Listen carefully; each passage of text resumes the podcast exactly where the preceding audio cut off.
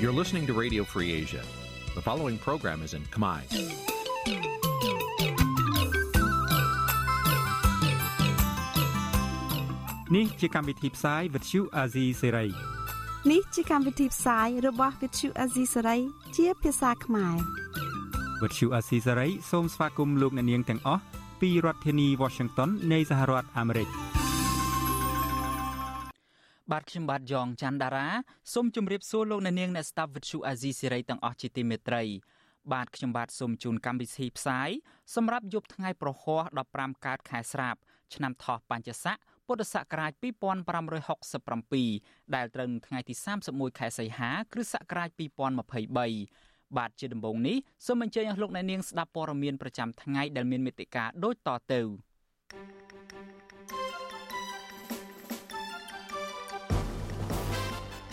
គណៈបកភ្លើងទៀនក្រុងសុំជួបរដ្ឋមន្ត្រីក្រសួងមហាផ្ទៃដើម្បីសុំឲ្យផ្ដល់ច្បាប់ដើមនៃការចុះបញ្ជីគណៈបក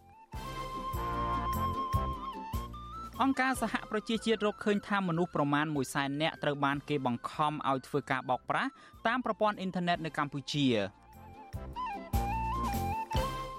មន្ត្រីអង្គការសង្គមស៊ីវិលទាមទារឲ្យអាជ្ញាធរអនុវត្តច្បាប់ទៅលើអ្នកចាក់ដីលុបបង្ទំលាប់នៅក្នុងខេត្តតាកែវ មន្ត្រីអង្គការសង្គមស៊ីវិលព្រួយបារម្ភពីរឿងគ្មានដំណាភៀបនៃការជ្រើសរើសគ្រូបង្រៀនដោយស្វ័យប្រវត្តិរួមនឹងព័ត៌មានសំខាន់ៗមួយចំនួនទៀត។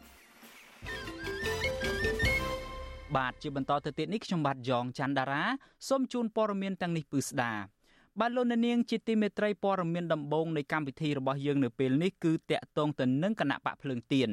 បាទគណៈបកនេះក្រុងសុំជួបរដ្ឋមន្ត្រីក្រសួងមហាផ្ទៃ ដើម្បីស្នើសុំឲ្យក្រសួងចេញលិខិតចុះបញ្ជីច្បាប់ដើមរបស់គណៈបកនេះដែលបានតម្កល់ទុកនៅក្រសួងមហាផ្ទៃ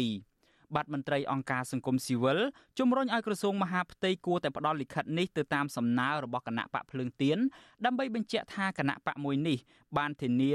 បាទសំទោសគឺដើម្បីបញ្ជាក់ថាក្រសួងមហាផ្ទៃបានធានានៅសិទ្ធិនយោបាយរបស់គណៈបកភ្លើងទៀនស្របទៅតាមច្បាប់ បាទលោកសេកបណ្ឌិតរាយការណ៍ពឹស្ដាអំពីរឿងនេះ គណៈបកភ្លើងទៀនដែលខកខានមិនបានចូលរួមការបោះឆ្នោតជាតិកាលពីថ្ងៃទី23ខែកក្កដាកន្លងទៅកំពុងស្វាស្វែងជួបជជែកជាមួយនឹងរដ្ឋមន្ត្រីក្រសួងមហាផ្ទៃថ្មី និងអ្នកពាក់ព័ន្ធដើម្បីធ្វើឲ្យគណៈបកនេះអាចចូលរួមការបោះឆ្នោតព្រឹទ្ធសភាឆ្នាំ2024ខាងមុខជំហានដំបូងគឺគណៈបកនេះត្រៀមនឹងដាក់លិខិតសូមជួបជាមួយរដ្ឋមន្ត្រីក្រសួងមហាផ្ទៃលោកសសុខាដែលចូលកាន់តំណែងនេះ ជំនួសឪពុករបស់លោកគឺលោកសខេងអនុប្រធានគណៈបកភ្លើងទៀនលោករងឈុនឲ្យវិទ្យុអសីសេរីដឹងនៅថ្ងៃទី31សីហាថា សមាជិកភាពរបស់គណៈបកភ្លើងទៀនដែលគ្រោងស្នើជួបរដ្ឋមន្ត្រីក្រសួងមហាផ្ទៃរួមមានថ្នាក់ដឹកនាំនិងក្រុមអ្នកច្បាប់របស់គណៈបកភ្លើងទៀនលោកឲ្យដឹងទៀតថាដំបងឡើយគណៈបកភ្លើងទៀនគ្រោងដាក់លិខិតសូមជួបរដ្ឋមន្ត្រីក្រសួងមហាផ្ទៃកាលពីថ្ងៃច័ន្ទដើមសប្តាហ៍នេះ ក៏ប៉ុន្តែដោយសារតែបញ្ហាបច្ចេកទេសគណៈបកនេះមិនទាន់អាចដាក់លិខិតទៅរដ្ឋមន្ត្រីបានដូច្នេះគណៈបកភ្លើងទៀននឹងដាក់លិខិតទៅក្រសួងមហាផ្ទៃក្នុងពេលដ៏ខ្លីខាងមុខនេះអនុប្រធានគណៈបកភ្លើងទៀនរូបនេះរំពឹងថា នៅពេលនេះគឺជាពេលវេលាដ៏សមរម្យមួយដែលក្រសួងមហាផ្ទៃយល់ព្រមជួបថ្នាក់ដឹកនាំគណៈបកភ្លើងទៀនក្រសួងមហាផ្ទៃត្រូវតែមានការអនុញ្ញាតឲ្យបើកផ្លូវឲ្យ គណៈបកភ្លើងទៀនបានចូលជួបពិភាក្សាថាតើត្រូវធ្វើបែបម៉េចដើម្បីឲ្យគណៈបកភ្លើងទៀនទទួលបានលិខិតឬមួយគឺយើងហៅថាសេចក្តីចម្លងឬទុតិយតាឬក៏ថាយើងត្រូវធ្វើម៉េចដើម្បីតម្រូវទៅតាមដែលកោះជបតម្រូវបាទកន្លងទៅក្រសួងមហាផ្ទៃធ្លាប់បដិសេធមិនជួបគណៈបកភ្លើងទៀនក្នុងការជជែកពិភាក្សា ផ្ដល់លិខិតចុះបញ្ជីច្បាប់ដើមរបស់គណៈបកភ្លើងទៀននោះទេដោយក្រសួងលើកឡើងថារងចាំការបោះឆ្នោតចប់និងរងចាំឲ្យមានការរៀបចំរដ្ឋាភិបាលថ្មីរួចរាល់សិនតកតូននឹងគម្រោងស្នើសុំរបស់គណៈបកភ្លើងទៀននេះដែរវត្តសុអាស៊ីសេរីនៅមិនទាន់អាចសុំការអធិប្បាយពីអ្នកនាំពាក្យក្រសួងមហាផ្ទៃលោកខៀវសុភ័ក្របាននៅឡើយទេ នៅថ្ងៃទី31ខែសីហា នាយកទទួលបន្ទុកកិច្ចការទូតនៃអង្គការលីកាដូលោកអំសំអាត លើកឡើងថារដ្ឋធម្មនុញ្ញបានធានាដំណើរការរបស់គណៈបកឬអង្គការសង្គមស៊ីវិលជាដើមដូច្នេះលោកយល់ថាក្រសួងមហាផ្ទៃគួរផ្ដល់ឯកសារតាមសំណើរបស់គណៈបកភ្លើងទៀនមន្ត្រីសង្គមស៊ីវិលរូបនេះក៏សម្គាល់ឃើញទៀតថាអវត្តមានរបស់គណៈបកភ្លើងទៀនក្នុងការចូលរួមការបោះឆ្នោតជាតិកាលពីថ្ងៃទី23ខែកក្កដាកន្លងទៅ បានធ្វើឲ្យសហគមន៍អន្តរជាតិរិះគន់ម្ដងហើយពីការបិទសេរីភាពនយោបាយរបស់គណៈបកនេះលោកបន្តថារដ្ឋមន្ត្រីក្រសួងមហាផ្ទៃថ្មី គួរពិនិត្យឡើងវិញ នៅសំណើរបស់គណៈបកភ្លើងទៀនដើម្បីបញ្ជាការរិះគន់បន្តទៀតនឹងវាគួរតែអនុញ្ញាតហើយគួរតែផ្ដល់ឱកាសសម្រាប់គណៈបកដើម្បីឲ្យមានឱកាសការចូលរួមការពុទ្ធជែកការបោះឆ្នោតលើណាមួយដែលត្រូវបានប្រព្រឹត្តទៅណា គណៈបកភ្លើងទៀនដែលមានពលរដ្ឋជិត2លាននាក់បោះឆ្នោតគាំទ្រកាលពីឆ្នាំ2022ត្រូវគណៈកម្មាធិការជ្រៀបចំការបោះឆ្នោតកោជបដែលរងការរិះគន់ថាស្ថិតនៅក្រោមឥទ្ធិពលរបស់គណៈបកកណ្ដាលអំណាចបានបិទសិទ្ធិគណៈបកភ្លើងទៀនមិនឲ្យចូលរួមការបោះឆ្នោតកាលពីថ្ងៃទី23ខែកក្កដាដោយចោទប្រកាន់ថាគណៈបកនេះគ្មានលិខិតច្បាប់ដើមនៃការចុះបញ្ជីគណៈបកដែលបានតម្កល់ទុកនៅក្រសួងមហាផ្ទៃ គណៈបកភ្លើងទៀនបានបាត់ច្បាប់ដើមនៃសេចក្តីប្រកាសនេះបន្ទាប់ពីមានការវិឆ្មក់របស់ក្រមសមត្ថកិច្ចចូលបិទទីស្នាក់ការរួមគ្នា រវាងគណៈបកសង្គ្រោះជាតិនិងគណៈបកភ្លើងទៀនកាលពីឆ្នាំ2017ក្រសួងមហាផ្ទៃកន្លងទៅត្រឹមតែបានចេញសេចក្តីប្រកាសទទួលស្គាល់គណៈបកភ្លើងទៀនថាជាគណៈបកស្របច្បាប់ តែការប្រកាសនេះកោចបថាมันគ្រប់គ្រាន់សម្រាប់ឲ្យគណៈបកភ្លើងទៀនអាចចូលរួមប្រគល់ប្រជែងការបោះឆ្នោតបាននោះឡើយខ្ញុំបាទសេកបណ្ឌិតវុទ្ធុអាស៊ីសេរីពីរដ្ឋធានីវ៉ាស៊ីនតោនកម្មវិធី Vithu Azizi សេរីសម្រាប់ទូរស័ព្ទដៃអាចឲ្យលោកអ្នកនាង អានអត្ថបទទស្សនាវីដេអូនិងស្ដាប់ការផ្សាយផ្ទាល់ដោយឥតគិតថ្លៃនិងដោយគ្មានការរំខាន ដើម្បីអាននិងទស្សនាមេតិការថ្មីថ្មីពី Vithu Azisari លោកអ្នកនាងគ្រាន់តែចុចបាល់កម្មវិធីរបស់ Vithu Azisari ដែលបានដំឡើងរួចរាល់លើទូរស័ព្ទដៃរបស់លោកអ្នកនាងប្រសិនបើលោកអ្នកនាងចង់ស្ដាប់ការផ្សាយផ្ទាល់ឬការផ្សាយចាស់ចាស់សូមចុចលើប៊ូតុងរូបវិទ្យុដែលស្ថិតនៅផ្នែកខាងក្រោមនៃកម្មវិធីជាការស្ដាយ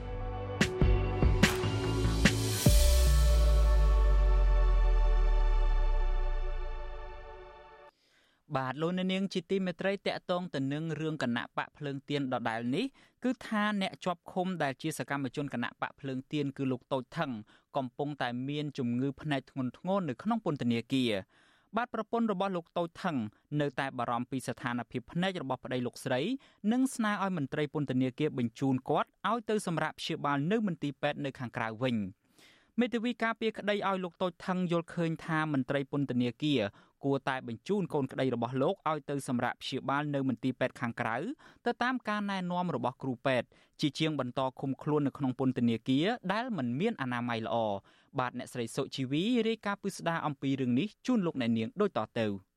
បាទទោះបីជាគ្រូពេទ្យណែនាំឲ្យលោកតូចថងត្រូវសម្រាប់ព្យាបាលនៅមន្ទីរពេទ្យពី3ទៅ4សប្តាហ៍ក្តីក៏មន្ត្រីពន្ធនាគារនៅតែបញ្ជូនលោកតូចថងយកទៅឃុំខ្លួន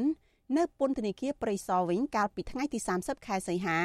បន្ទាប់ពីលោកបានវះកាត់ភ្នែករួចប្រពន្ធរបស់លោកតូចថងគឺលោកស្រីសុវណ្ណា ប្រាប់វិទ្យុអាស៊ីសេរីថា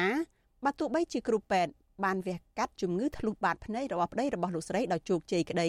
ប៉ុន្តែលោកស្រីនៅតែបារម្ភពីសុខភាពភ្នែករបស់ប្តីលោកស្រីបន្ថែមថាប្តីរបស់លោកស្រីមិនមែនមានតែជំងឺភ្នែកមួយប៉ុណ្ណោះទេប៉ុន្តែក៏មានជំងឺប្រចាំកាយផ្សេងទៀត ដូចជាជំងឺទឹកនោមផ្អែមនិងលើសជាតិអាស៊ីតផងដែរដូច្នេះលោកស្រីនៅតែទទូចឲ្យតុលាការដោះលែងប្តីរបស់លោកស្រីឲ្យមានសេរីភាពមកវិញសុខភាពប្តីខ្ញុំដឹងមិនទេខ្ញុំចង់ឲ្យពន្ធនាគារនឹងសូមឲ្យប្តីខ្ញុំមកនៅក្រៅឃុំហ្មងឲ្យស្រួលខ្ញុំថែគាត់ព្រោះខ្ញុំទៅមើលគាត់ពីថ្ងៃហ្នឹងដូចពិបាកព្រោះគាត់ដូចប្រកាសមុខរហូតចឹងលោកតូចថងគឺជាប្រធានគណៈកម្មាធិការប្រតិបត្តិគណៈបកភ្លើងទៀនប្រចាំខេត្តកំពង់ចាម អាជ្ញាធរក្រុងភ្នំពេញបានឃាត់ខ្លួនលោកកាលពីខែមិនិនាពាក់ព័ន្ធនឹងសំណុំរឿងជាមួយនឹងលោកសៀមភ្លុកនិងលោកខឿនវិរៈដែលតុលាការកាត់ទោសឲ្យជាប់ពន្ធនាគារពីឆ្នាំ6ខែពីបទក្លែងបន្លំឯកសារក្នុងការបង្កើតគណៈបកបេះដូងជាតិកាលពីឆ្នាំ2021ជុំវិញរឿងនេះអ្នកនាំពាក្យអគ្គនាយកដ្ឋានពន្ធនាគារនៃក្រសួងមហាផ្ទៃលោកនុតសាវណ្ណាប្រាប់វិទ្យុអាស៊ីសេរីថាមន្ត្រីពន្ធនាគារមិនបានទទួលវិជ្ជាបញ្ជាពីគ្រូពេទ្យ ដែលតម្រូវឲ្យលោកតូចថងសម្រាប់ព្យាបាលនៅមន្ទីរពេទ្យនោះឡើយទោះជាយ៉ាងណាលោកបញ្ជាក់ថា មន្ត្រីពន្ធនាគារបានឃុំខ្លួនលោកតូចថងនៅអគារមន្ទីរពេទ្យដាច់ដោយឡែកពីអ្នកជាប់ពន្ធនាគារទូទៅ យើងមានក្រែសម្រាប់ឲ្យពួកគាត់សម្រាប់យ៉ាងសមរម្យដូចក្នុងទីពេទ្យអញ្ចឹងមានឧបករណ៍សម្ភារៈនិងមន្ត្រីសុខាភិបាលយើងនៅប្រចាំការនៅនឹងទេអញ្ចឹងការសម្រាប់វាធានាសន្តិសុខសម្រាប់ធ្នាប់ហើយកម្លាំងរបស់យើងមិនចាំបាច់ចំណាយពេលនៅក្រៅហ្នឹងចាំយាមជាប្រចាំទៅវាខាតកម្លាំងដោយសារកម្លាំងក៏យើងខ្វះដែរផ្ទុយពីការលើកឡើងនេះសកម្មជនដែលធ្លាប់ជាប់ពន្ធនាគារលើកឡើងថា អគារមន្ទីរពេទ្យនៅក្នុងពន្ធនាគារមិនមានអនាម័យល្អនោះឡើយព្រោះអ្នកទោសមួយចំនួននៅតែជក់បារីនៅក្នុងបន្ទប់ខណៈអ្នកទោសក្រីក្រដែលមានជំងឺធ្ងន់ធ្ងរជាច្រើនមិនទទួលបានការព្យាបាលដោយយកចិត្តទុកដាក់គ្រប់គ្រាន់នោះឡើយជុំវិញរឿងនេះដែរមេធាវីការពារក្តីលោកតូចថងគឺលោកសឿនជុំជួនប្រាប់វិទ្យុអាស៊ីសេរីថាស្ថានភាពជំងឺធ្លាយបាតភ្នែករបស់លោកតូចថងគឺមានសភាពធ្ងន់ធ្ងរហើយកូនក្តីរបស់លោកនេះ មានជំងឺប្រចាំកាយផ្សេងផ្សេងទៀតផងដែរលោកបញ្ជាក់ថាលោកនឹងដាក់ពាក្យស្នើសុំឲ្យលោកតូចថងបាននៅក្រៅឃុំទៅសាលាឧទ្ធររាជធានីភ្នំពេញនៅដើមសប្តាហ៍ក្រោយអង្គការសង្គមស៊ីវិលលើកឡើងថាអញ្ញាធមមិនបានអនុវត្តច្បាប់ដែលអនុញ្ញាតឲ្យជនជាប់ឃុំទទួលបានការព្យាបាលនៅពេទ្យនៅខាងក្រៅពន្ធនាគារដោយស្មើភាពគ្នារវាងអ្នកជាប់ឃុំដែលមានលុយមានអំណាច និងសកម្មជននយោបាយនោះឡើយជាក់ស្ដែង បើទោះបីជាគ្រូពេទ្យបានពិនិត្យឃើញថាបាតភ្នែករបស់លោកតូចថងបានធ្លាយនិងឈឺចុកចាប់ដែលតម្រូវឲ្យវះកាត់បន្ទាន់តាំងពីថ្ងៃទី14ខែសីហាក៏ប៉ុន្តែអាជ្ញាធរមិនបានអនុញ្ញាតឲ្យលោកតូចថងទទួលបានការវះកាត់ភ្លាមភ្លាមឡើយដោយរងចាំរហូតដល់ថ្ងៃទី28ខែសីហាទើបលោកទទួលបានការវះកាត់នាងខ្ញុំសុជីវី With Shu Azizi Saray ពីរដ្ឋធានី Washington បាទលោកអ្នកនាងជាទីមេត្រីដោយដែលលោកអ្នកនាងបានជ្រាបស្រាប់ហើយថារដ្ឋាភិបាលថ្មីដែលដឹកនាំនិងគ្រប់គ្រងដោយលោកហ៊ុនម៉ាណែតនេះមានការផ្លាស់ប្តូររដ្ឋមន្ត្រីជាច្រើនរូបហើយនៅក្នុងនោះក៏មានការផ្លាស់ប្តូររដ្ឋមន្ត្រីក្រសួងកាងារគឺលោកអ៊ិតសំហេងត្រូវបានជំនួសមកវិញដោយលោកហេងសួរដែលជាអតីតរដ្ឋលេខាធិការនិងជាមន្ត្រីដែលមានតួនាទីច្រើនស្អិចស្កះនៅក្នុងក្រសួងមួយនេះ។ បាទតកតងទៅនឹងរឿងការដែលលោកហេងសួរខ្លាយជារដ្ឋមន្ត្រីក្រសួងការងារនៅពេលនេះគឺថាក្រមកម្មករនិងពលករនៅក្រៅប្រទេសយល់ឃើញថាការតែងតាំងឲ្យលោកហេងសួរឡើងជារដ្ឋមន្ត្រីក្រសួងការងារនេះអាចនឹងធ្វើឲ្យស្ថានភាពរំលោភសិទ្ធិការងារនិងការគំរាមកំហែងទៅលើពលករកាន់តែធ្ងន់ធ្ងរជាងមុនទៅទៀត។ បាទមន្ត្រីអង្គការសង្គមស៊ីវិលស្នើឲ្យរដ្ឋមន្ត្រីថ្មីរូបនេះដោះស្រាយបញ្ហាចាស់ចាស់ដែលនៅរ៉ាំរ៉ៃរួមមានចំនួនការងារ Nagawal បញ្ហាពលករចំណាក់ស្រុកបញ្ហាធ្វើលិខិតឆ្លងដែនឧបសគ្គបង្កើតសហជីពតាមរោងចក្រនិងការផ្ដល់ប្រាក់ឈ្នួលសមរម្យជាដើម បាទលោកអ្នកនាងនឹងបានស្ដាប់សេចក្តីរាយការណ៍នេះពឺស្ដានៅពេលបន្តិចទៀតនេះ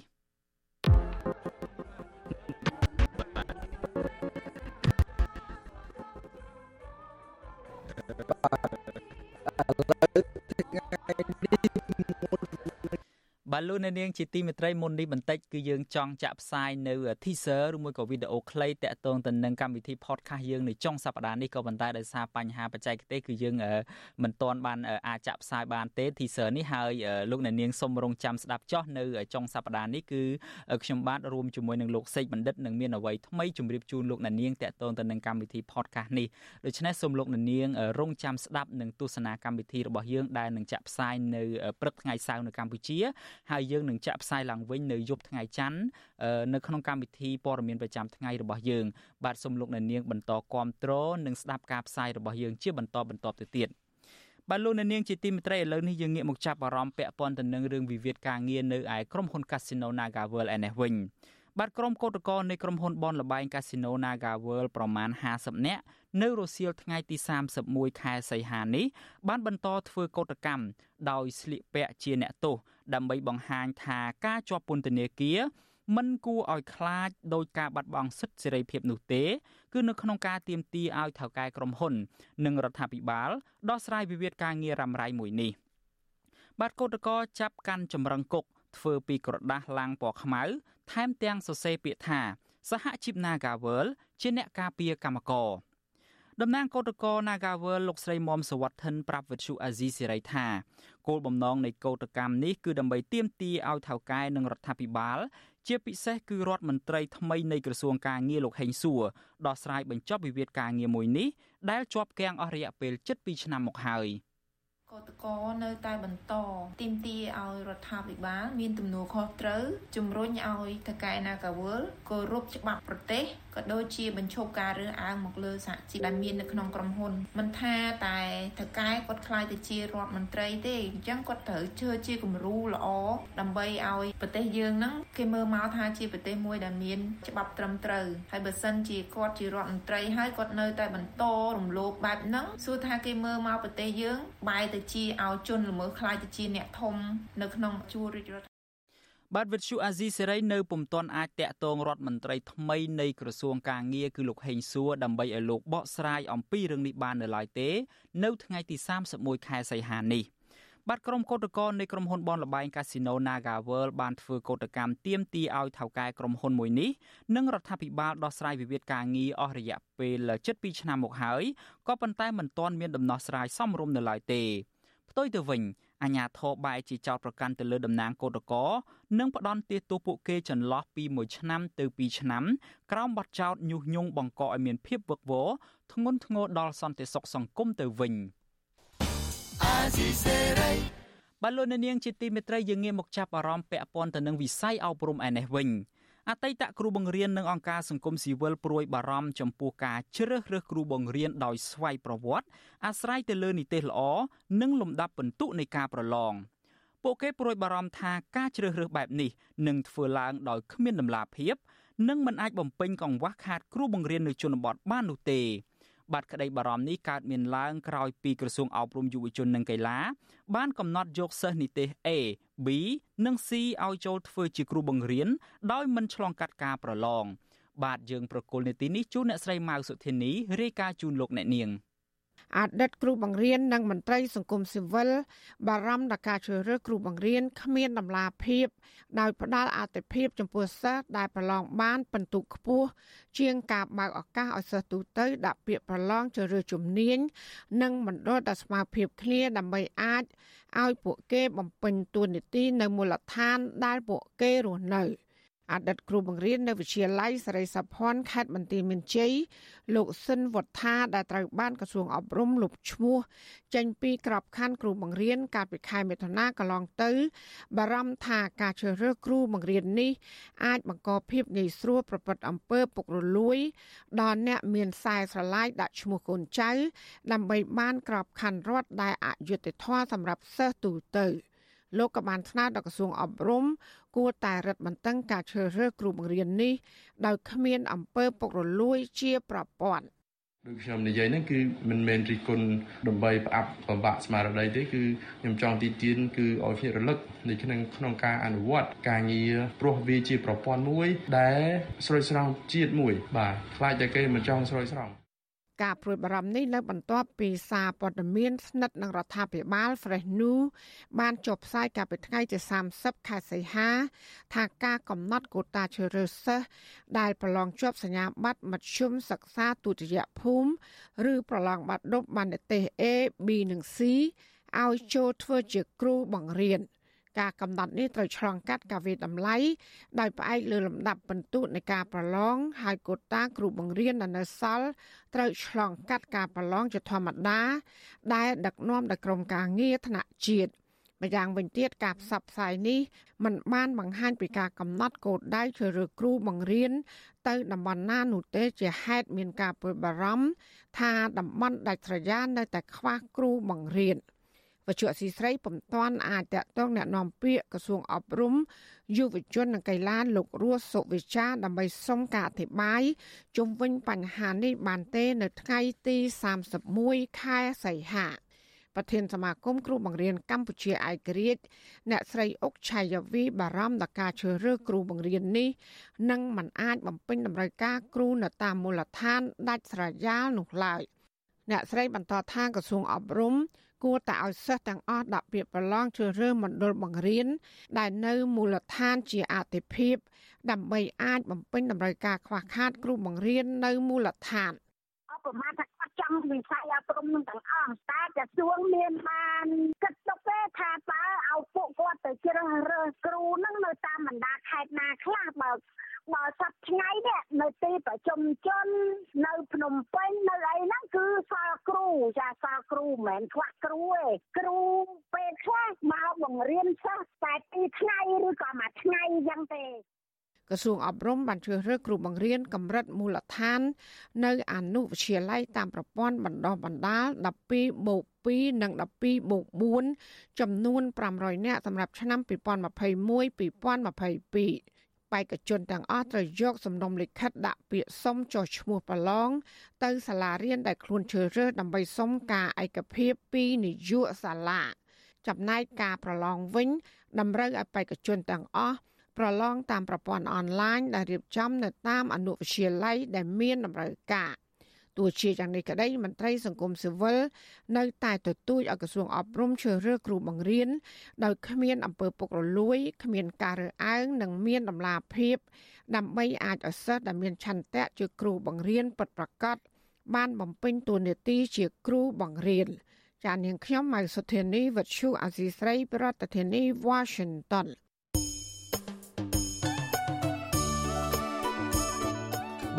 នាងជាទីមេត្រីដំណើរគ្នានឹងស្ដាប់ការផ្សាយព័ត៌មានរបស់ Vuthu Azizi Siri នៅតាមរយៈបណ្ដាញសង្គម Facebook និង YouTube លោកនាងក៏អាចស្ដាប់ការផ្សាយរបស់យើងតាម Vuthu រលកធាតុអាកាសខ្លីបានដែរគឺតាមកម្រិតនិងកម្ពស់ដូចតទៅនេះ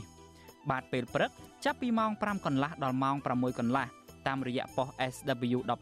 12.14 MHz ស្មើនឹងកម្ពស់ 25m និងប៉ុស SW 13.71 MHz ស្មើនឹងកម្ពស់ 22m ពេលយប់ចាប់ពីម៉ោង7កន្លះដល់ម៉ោង8កន្លះតាមរយៈប៉ុស SW 9.33 MHz ស្មើនឹងកម្ពស់ 32m ប៉ុស SW 11.88 MHz ស្មើនឹងកម្ពស់ 25m និងប៉ុស SW 12.14 MHz ស្មើនឹងកម្ពស់ 25m បាទសូមអរគុណ បាទលោកអ្នកនាងជាទីមេត្រីដំណើរគ្នានឹងស្ដាប់ការផ្សាយរបស់យើងនៅតាមបណ្ដាញសង្គម Facebook YouTube ហើយនឹងតាមរយៈ Shortwave នេះលោកអ្នកនាងក៏អាចស្ដាប់ការផ្សាយរបស់យើងបានដែរនៅតាមបណ្ដាញសង្គម Telegram លោកអ្នកនាងដែលចង់ស្ដាប់តាមបណ្ដាញសង្គម Telegram លោកអ្នកនាងអាចចូលទៅក្នុង Telegram ទៅហើយនៅក្នុងពាក្យថាស្វែងរកឬមួយក៏ search លោកអ្នកនាងអាចវាយពាក្យថា RFA ខ្មែរឬមួយក៏ Virtual Azizi Series ទៅ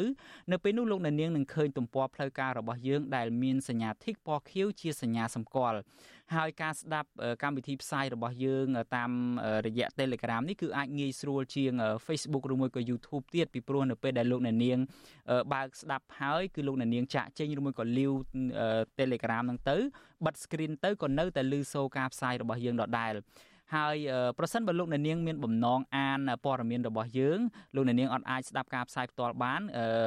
នៅលើប្រព័ន្ធ Instagram មួយទៀតនៅលើ Instagram នេះយើងមិនបានផ្សាយផ្ទាល់ទេក៏ប៉ុន្តែយើងបានបង្ហោះវីដេអូយើងបានបង្ហោះព័ត៌មាននានា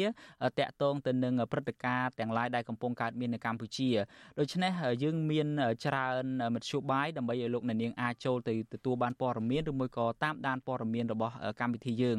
ហើយប្រសិនបើលោកអ្នកនាងចង់ជួយដល់វិទ្យុអាស៊ីសេរីយើងខ្ញុំលោកអ្នកនាងគ្រាន់តែចុចចែករំលែកឬមួយក៏ share ការផ្សាយរបស់យើងទៅដល់ក្រុមគ្រួសារទៅដល់មិត្តភ័ក្តិបងប្អូនរបស់លោកអ្នកនាងទៅនេះគឺជាកម្លាំងចិត្តដ៏ធំសម្រាប់ក្រុមការងារអាស៊ីសេរីទាំងមូលនៅក្នុងបុព្វហេតុស្វែងរកនិងផ្តល់ព័ត៌មានពិតជូនលោកអ្នកនាង អំពីប្រទេសកម្ពុជា បាទសូមអរគុណ បាទលោកនាងជាទីមេត្រីយើងងាកមកចាប់អារម្មណ៍ពាក់ព័ន្ធទៅនឹងបញ្ហាលុបបឹងនៅក្នុងខេត្តតាកែវឯនេះវិញបឹងទំលាប់ដែលជាអត្តសញ្ញាណភូមិកំណើតរបស់អ្នកស្រុកគិរីវង្សខេត្តតាកែវកំពុងទទួលរងការចាក់ដីលុបឲ្យគោករាក់ដើម្បីយកដីធ្វើជាកម្មសិទ្ធិជាបន្តបន្ទាប់ដោយបុគ្គលមានអធិបុលស្និទ្ធនឹងគណៈបកប្រជាជនកម្ពុជា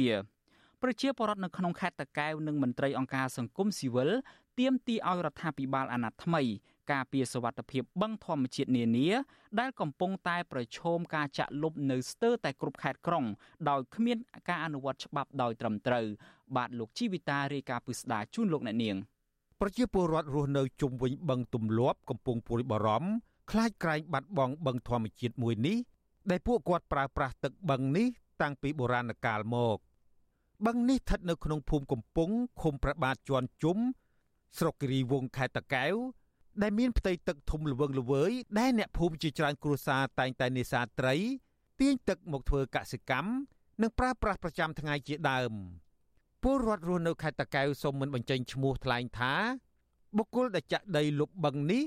ទំនងជាដើម្បីសាងសង់ផ្ទះវីឡាដែលធ្វើឲ្យប៉ះពាល់ដល់បរិស្ថាន និងអ្នកស្រុករាប់រយគ្រួសារដែលប្រើប្រាស់ទឹកបឹងជាប្រចាំលោកស្នើឲ្យអាជ្ញាធរអនុវត្តច្បាប់ដល់ជួនប្រព្រឹត្ត និងកាយដីដែលចាក់លុបបឹងនេះចេញ ដើម្បីថែទាំភូកទ្របជាតិនិងសម្រស់ធម្មជាតិលុបបឹងទៅតើត្រីទាំងអស់ដែលធ្លាប់ប្រជាពលរដ្ឋគាត់រកបានពីមុនមកគាត់ទៅរេងមងទៅបងសំណាញ់នេះបានណាដល់ពេលលុបទៅវាតែឡើងមានតែវាទៅជាទៅវាផុតផុតទៅត្មងណាបាទសម្រាប់ខ្ញុំជាពលរដ្ឋវិសង្ឃឹមថាអាជ្ញាធរនឹងចុះពិនិត្យមើលឡើងវិញពាក់ព័ន្ធនឹងការចាក់ដីលុបហើយជាអ្នកមានអីហ្នឹងរឿងអ្នកមានលុយអ្នកមានអំណាចបើគាត់លុបបាន អ្នកភូមិបន្ថែមថាសកម្មភាពចាក់ដីលុបបឹងធម្មជាតិនេះធ្វើឡើងជាបន្តបន្ទាប់នៅរយៈពេល3ខែចុងក្រោយនេះដោយជនល្មើសបានប្រើគ្រឿងចាក់ជាច្រើនគ្រឿងចាក់ដីលយចូលផ្ទៃទឹកបឹងចន្លោះពី40ម៉ែត្រទៅដល់100ម៉ែត្រនិងបណ្ដោយជាង100ម៉ែត្របង្កឲ្យប៉ះពាល់ដល់អាងស្តុកទឹកយ៉ាងសំខាន់ដែលពលរដ្ឋប្រើប្រាស់សម្រាប់ធ្វើកសិកម្មបឹងនេះមានទំហំរាប់រយហិកតា មានផ្ទៃទឹកទូលាយ នៅជិតនឹងព្រំដែនកម្ពុជាវៀតណាមដោយមានបណ្ដាញទឹកខ្វាត់ខ្វែងភ្ជាប់នឹងបឹងដទៃទៀតអ្នកស្រុកគិរីវងចាត់ទុកបឹងនេះជាប្រភពសេដ្ឋកិច្ចយ៉ាងសំខាន់ដែលពលរដ្ឋក្រីក្រប្រើប្រាស់ចិញ្ចឹមជីវិត ហើយពួកគាត់អំពាវនាវដល់អាជ្ញាធរឲ្យអភិរក្សបឹងនេះឲ្យបានគង់វង្សវិទ្យុអាស៊ីសេរីមិនទាន់អាចតាក់ទងសុំការបំភ្លឺរឿងនេះពីអភិបាលស្រុកគិរីវង្សលោកងួនឌីណាបាននៅឡើយទេ នៅថ្ងៃទី31សីហា ចំណែកអភិបាលខេត្តតាកែវលោកអួយភាក៏មិនទាន់អាចសុំការបំភ្លឺបានដែរនៅថ្ងៃដដែលនេះដោយទូរស័ព្ទហៅចូលជាច្រើនដង តែគ្មានអ្នកទទួលមន្ត្រីពង្រឹងសិទ្ធិអំណាចសហគមន៍មូលដ្ឋាននៃសមាគមអាត6លោកប៉ែនប៊ុនណាយល់ថាការចាក់ដីលុបបឹងនឹងធ្វើឲ្យខូចទ្រង់ទ្រាយបឹងធម្មជាតិនិងជាបទល្មើសព្រហ្មទណ្ឌដែលទាមទារឲ្យអាជ្ញាធរអនុវត្តច្បាប់ដល់អ្នកពាក់ព័ន្ធនិងកាយដីចេញពីបឹងវិញឲ្យដោយសភាពដើម។ ដោយសារអាញាយុកាលនៃទ្រព្យសម្បត្តិបរដ្ឋมันមានកំណត់ទេបើសិនជាគ្មានអនុក្រឹត្យនៃប្រយោគហើយទី2គឺឲ្យខូចទ្រង់ទ្រាយប្រភេទដីរដ្ឋទៀតរដ្ឋាភិបាលថ្មីលោកត្រូវតែចាត់វិធានការទៅតាមផ្លូវច្បាប់ពីព្រោះបើសិនជាលោកមិនចាត់វិធានការតាមផ្លូវច្បាប់ទេមានន័យថាលោកប្រកាសជាលោកប្រកាន់យកអនិតិរដ្ឋដែរបាទបាទមានន័យយកបុគ្គលធំជាច្បាប់ដែរវាផ្ទុយពីការសច្ចាប្រណិធានរបស់លោកមុននឹងចូលការតំណែង សកម្មភាពចាក់ដីលុបបឹងបួរនិងព្រែកធ្វើជាកម្មសិទ្ធិឯកជន ដោយបុគ្គលមានលុយមានអំណាចកំពុងកើតមានស្ទើរតែគ្រប់ខេត្តក្រុងដោយគ្មានអាជ្ញាធរណាអនុវត្តច្បាប់ដល់អ្នកពាក់ព័ន្ធនៅឡើយទេលោកប៉ែនប៊ុនណាបន្ថែមថាអំពើនីតិរដ្ឋភាពឬទម្លាប់ឲ្យជនល្មើសរួចទោសក្នុងករណីនេះស្ទើរคล้ายជាទម្លាប់ដដែលដដែលដោយគ្មានយន្តការកែប្រែឬបង្ក្រាបនៅឡើយទេ លោកអំពីវនីវដល់នាយករដ្ឋមន្ត្រីថ្មីលោកហ៊ុនម៉ាណែតស្នើសុំឲ្យដោះស្រាយបញ្ហាប្រឈមទាំងនេះដើម្បីសវត្ថិភាពបរិស្ថាន និងប្រយោជន៍រួមរបស់ជាតិខ្ញុំជីវិតាអាស៊ីសេរី បាទលោកអ្នកនាងជាទីមេត្រីថ្ងៃនេះវិទ្យុអាស៊ីសេរីសូមណែនាំស្ត្រីគំរូមួយរូបគឺលោកស្រីចែមផនស្បាតសំទោសគឺលោកស្រីចែមផេនជូនលោកអ្នកនាងដូចតទៅ បាទស្ត្រីវ័យជិត70ឆ្នាំចែមផេនមានជំងឺប្រចាំកាយប៉ុន្តែគាត់ប្រឹងប្រែងតស៊ូធ្វើនំអាកោត្នោតលក់ដើម្បីចិញ្ចឹមគ្រួសារដែលមានកូនស្រីម្នាក់និងចៅចំនួន2នាក់នៅក្នុងបន្ទុក។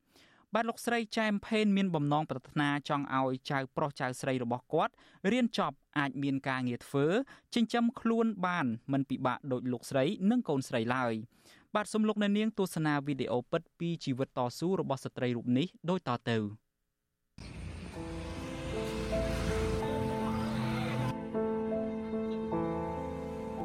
ដល់អ៊ំធ្លាក់ខ្លួនឈឺជើងឈឺដែរស្វិតនេះអ៊ំផ្ដាច់ចូលអាមុខរបស់ធ្វើស្រែទៅអត់រួច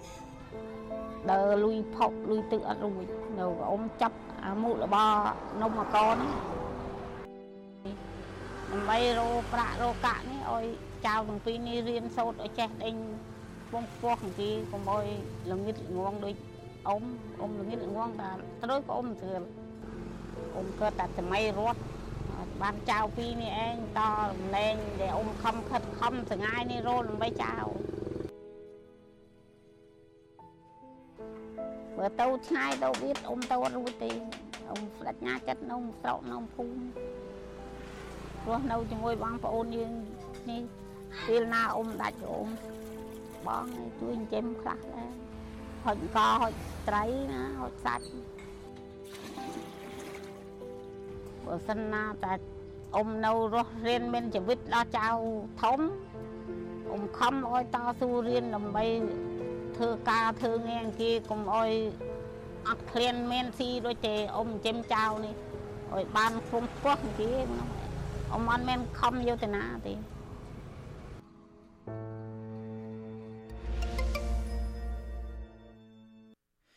បាទលោកនាងជាទីមេត្រីលោកនាងទើបតែបានទស្សនាវីដេអូខ្លីមួយអំពីស្ត្រីគំរូគឺលោកស្រីចែមផេនដែលមានជំងឺប្រចាំកាយប្រឹងប្រែងតស៊ូធ្វើនំអាកោត្នោតលក់ដើម្បីចិញ្ចឹមគ្រួសារនិងផ្គត់ផ្គង់ឲ្យចៅចៅបានទៅរៀនបាទប្រសិនបើលោកអ្នកនាងមានស្ត្រីគំរូនៅក្នុងចិត្តសូមណែនាំមកវិទ្យុអាស៊ីសេរីផង បាទសូមអរគុណបាទលោកអ្នកនាងជាទីមេត្រីយើងងាកមកចាប់អារម្មណ៍តាក់ទងទៅនឹងបញ្ហាជីវភាពរបស់ប្រជាពលរដ្ឋឯនេះវិញអង្គការលីកាដូនិងអង្គការសមត្ថៈកម្ពុជាបានសិក្សារួមគ្នាដោយរកឃើញថា ប្រជាពលរដ្ឋរាប់ម៉ឺនគ្រួសារនៅក្នុងខេត្តកំពង់ស្ពឺរងផលប៉ះពាល់ធ្ងន់ធ្ងរដោយសារតែបញ្ហាបំណុលក្នុងនោះរួមមានការលក់ដីទាំងបង្ខំការបន្ថយម្ហូបអាហារនិងកុមាររាប់ពាន់នាក់បានបាត់បង់ការបានបោះបង់ការសិក្សាក៏ប៉ុន្តែអភិបាលខេត្តកំពង់ស្ពឺបានចាត់ទុករបាយការណ៍នេះថាមិនឆ្លោះបញ្ចាំងពីស្ថានភាពពិតនោះទេ បាទលោកនៅវណ្ណរិនរាយការណ៍ពីស្ដារជូនលោកអ្នកនាង។ របាយការណ៍នៃអង្គការទាំងពីរនេះចេញផ្សាយកាលពីថ្ងៃទី29ខែសីហារកឃើញថាពលរដ្ឋនៅក្នុងខេត្តកំពង់ស្ពឺចំនួន30000គ្រួសារបន្ថយអាហារនិងកុមារជិត10000នាក់បោះបង់ការសិក្សាដោយសារវិបត្តិបំណុលធ្ងន់ធ្ងររបាយការណ៍សិក្សាកម្រាស់37ទំព័របង្ហាញថាពលរដ្ឋនៅក្នុងខេត្តនេះលើសពី80%ជំពាក់បំណុលធនាគារយ៉ាងហោចណាស់មួយស្ថាប័នក្នុងនោះពលរដ្ឋ2ភាគ3អះអាងថាពួកគេជាប់បំណុលធ្ងន់ធ្ងរ លើសពីលទ្ធភាពនៃការសងត្រឡប់វិញរបាយការណ៍សិក្សាបានកំណត់ចំណុចហានិភ័យមួយចំនួនដូចជាពលរដ្ឋជាង150,000គ្រួសារកំពុងសងបំណុលយ៉ាងហោចណាស់មួយស្ថាប័នហើយពលរដ្ឋជាង28,000គ្រួសារទៀតបន្ថយអាហារនិងកុមារជិត9,000នាក់បោះបង់ការសិក្សាដើម្បីធ្វើការរកប្រាក់សងបំណុលក្នុងគ្រួសារនាយកប្រតិបត្តិអង្គការសមត្ថៈកម្ពុជា លោកអៀងវុធីមានប្រសាសន៍ថាមូលហេតុដែលអង្គការលោកនិងអង្គការលីកាដូសម្រាប់ចិត្តសិក្សានៅក្នុងខេត្តកំពង់ស្ពឺដោយសារខេត្តនេះជាខេត្តធំមួយហើយមានទីតាំងជិតនឹងរាជធានីភ្នំពេញងាយស្រួលក្នុងការធ្វើការលោកបន្តថាអង្គការមិនមានធនធានគ្រប់គ្រាន់សម្រាប់សិក្សាទូទាំងប្រទេសនោះទេក៏ប៉ុន្តែលទ្ធផលនេះជាការរកឃើញមួយដែលស្ថាប័នពាក់ព័ន្ធអាចយកទៅសិក្សាបន្ត ហើយរៀបចំគោលការណ៍ការពារពលរដ្ឋជាអតិថិជន ខាងមីក្រូហិរញ្ញវត្ថុត្រូវបង្កើតគោលនយោបាយយ៉ាងម៉េចឲ្យវាស្របទៅនឹងហៅថាគោលនយោបាយរបស់ OECD ជាអង្គការសម្រាប់កិច្ចសហប្រតិបត្តិការសេដ្ឋកិច្ចនិងអភិវឌ្ឍព្រោះថាធនាគារឬក៏មីក្រូហិរញ្ញវត្ថុហ្នឹងគឺជាតួអង្គសំខាន់ដែលពាក់ព័ន្ធទៅនឹងបញ្ហាសិទ្ធិមនុស្សនិងការអភិវឌ្ឍដូច្នេះហើយគោលការណ៍ជាអន្តរជាតិនេះគឺចាំបាច់ត្រូវតែធ្វើការអនុវត្តឬក៏អនុលោមតាម ជុំវិញរឿងនេះអភិបាលខេត្តកំពង់ស្ពឺលោកវីសំណាងឲ្យដឹងថាលោកបានអានរបាយការណ៍របស់អង្គការទាំងពីរនេះហើយក៏ប៉ុន្តែលោកថាវាមិនឆ្លុះបញ្ចាំងពីការពិតនោះទេលោកថាមានពលរដ្ឋលក់ដីឬដាក់ប្លង់ដីបញ្ចាំនៅធនាគារតិចតួចគឺធ្វើឡើងនៅក្នុងគោលបំណងយកលុយពង្រឹងអាជីវកម្មតែប៉ុណ្ណោះ ចំពោះស្ថានភាពបំណុលទូទៅ លោកវីសំណាងអះអាងថាជារឿងធម្មតាព្រោះពលរដ្ឋកម្ពុជាក៏ដូចជាពលរដ្ឋនៅក្នុងខេត្តកំពង់ស្ពឺ មានបំណុលតិចតួចបើធៀបទៅនឹងប្រទេសនានាក្នុងពិភពលោករួមទាំងសហរដ្ឋអាមេរិកផងដែរវាអត់មានអីចម្លែកផងដោយសារតាមអ្វីដែលខ្ញុំធ្លាប់សិក្សាគឺពលរដ្ឋនៅលើពិភពលោកសិតតែជាប់បំណុលទាំងអស់ ជាពិសេសប្រជាពលរដ្ឋអាមេរិកដែលជាប់បំណុលគឺច្រើនជាងប្រជាពលរដ្ឋកម្ពុជាទៀតគ្រាន់តែកើតមកជាពាក់បំណុលគេ90000ដុល្លារហើយឡែកកម្ពុជាកើតមកបើយើងនិយាយពីបំណុលគឺមានត្រឹមតែ300ជាងដុល្លារតែប៉ុណ្ណឹងរឿងគាត់ទៅខ្ចីរឿងគាត់ទៅបុលគាត់និយាយរឿង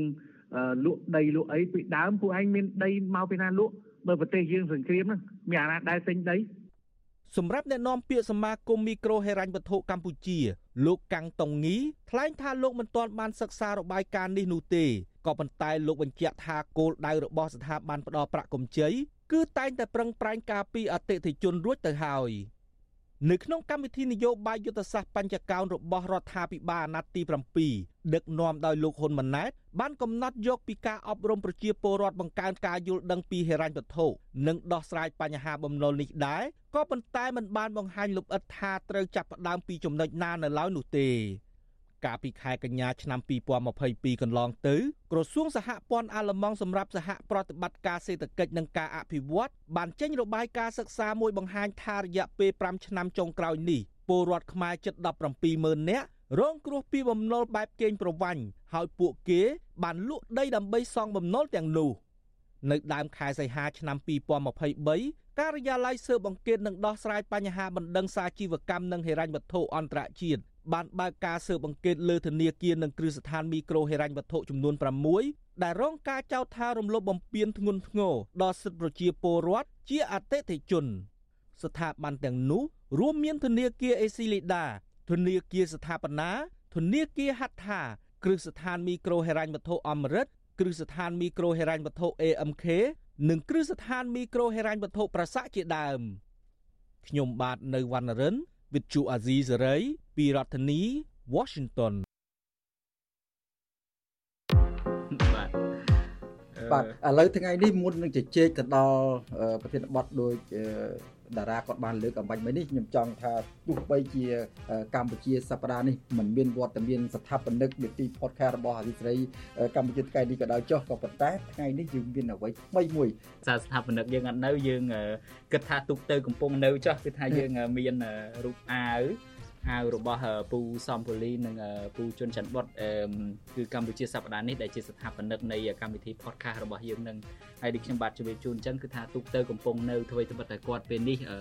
មិននៅពូសំពូលីគាត់នៅ vacation ហើយពូជនច័ន្ទបុតកំពុងអង្គុយមើលយើងជជែកគ្នាយ៉ាងណាក៏ដោយចុះគឺថាពួកគាត់រីករាយដែលឲ្យយើងទាំងពីរនាក់កាន់កម្មវិធី podcast នៅថ្ងៃនេះ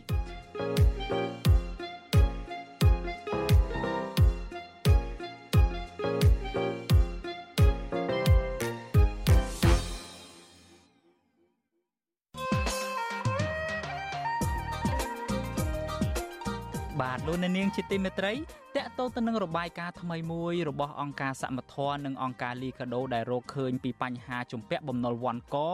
របស់ប្រជាពលរដ្ឋនៅក្នុងខេត្តកំពង់ស្ពឺដែលមានសេចក្តីរាយការណ៍របស់លោកនៅវណ្ណរិនអំបញ្ញមិញនេះលោកអ្នកនាងនឹងបានស្ដាប់កិច្ចពិភាក្សាផ្ទាល់មួយជជែកស៊ីជម្រៅអំពីបញ្ហាបំណុលរបស់ប្រជាពលរដ្ឋនេះនៅក្នុងកម្មវិធីវេទិកាអ្នកស្ដាប់វិទ្យុអាស៊ីសេរី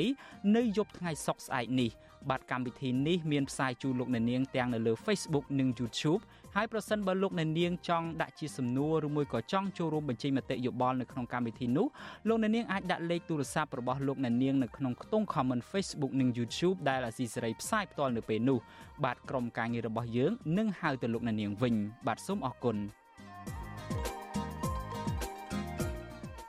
បាទលោកនាងជាទីមេត្រីយើងងាកមកចាប់អារម្មណ៍ពាក់ព័ន្ធទៅនឹងបញ្ហារបស់ខ្មែរកម្ពុជាក្រោមឯនេះវិញ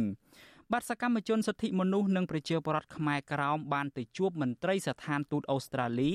ដើម្បីជំរុញឲ្យស្ថានទូតប្រទេសប្រជាធិបតេយ្យមួយនេះជួយអន្តរាគមន៍ទៅរដ្ឋាភិបាលវៀតណាមជុំវិញការធ្វើទុកបុកម្នេញទៅលើសកម្មជនខ្មែរក្រោម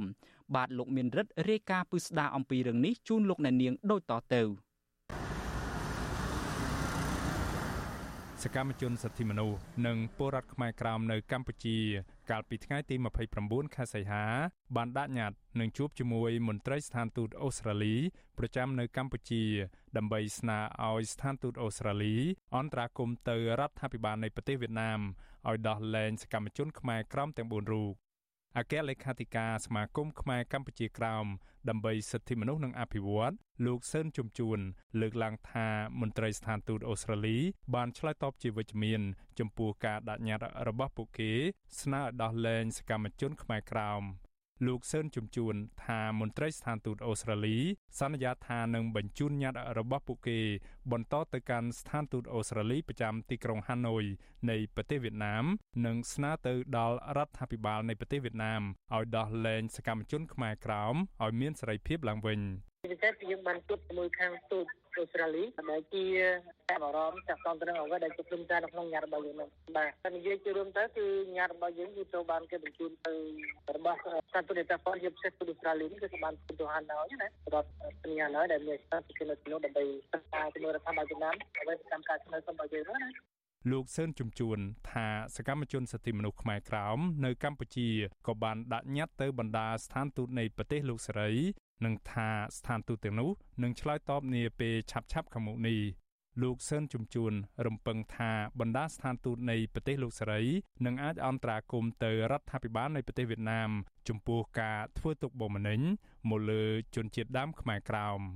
វិសុវអាស៊ីស្រីមិនទាន់អាចតាក់ទងមន្ត្រីស្ថានទូតអូស្ត្រាលី ដើម្បីបញ្ជាក់បន្ថែមជុំវិញជំនុំនេះបាននៅឡើយទេ កាលពីថ្ងៃទី30ខែសីហា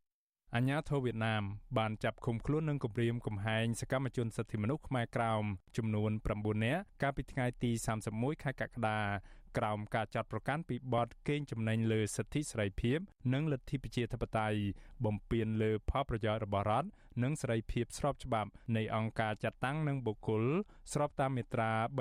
331នៃក្រមព្រហ្មទណ្ឌរបស់ប្រទេសវៀតណាម ទោះជាយ៉ាងនេះក្តីក្រោយការខាត់ខ្លួននឹងការសួរនាំអាជ្ញាធរបានដោះលែងពួកគេឲ្យមានសេរីភាពវិញក៏ប៉ុន្តែនៅបន្តឃុំខ្លួនសកម្មជនសិទ្ធិមនុស្សខ្មែរក្រោមចំនួន4នាក់រួមមានលោកយួនមិញខ្វាងរស់នៅខេត្តឃ្លៀងលោកថាច់គឿងនិងលោកតាវហ្វាំងជឿងរស់នៅខេត្តព្រះត្រពាំង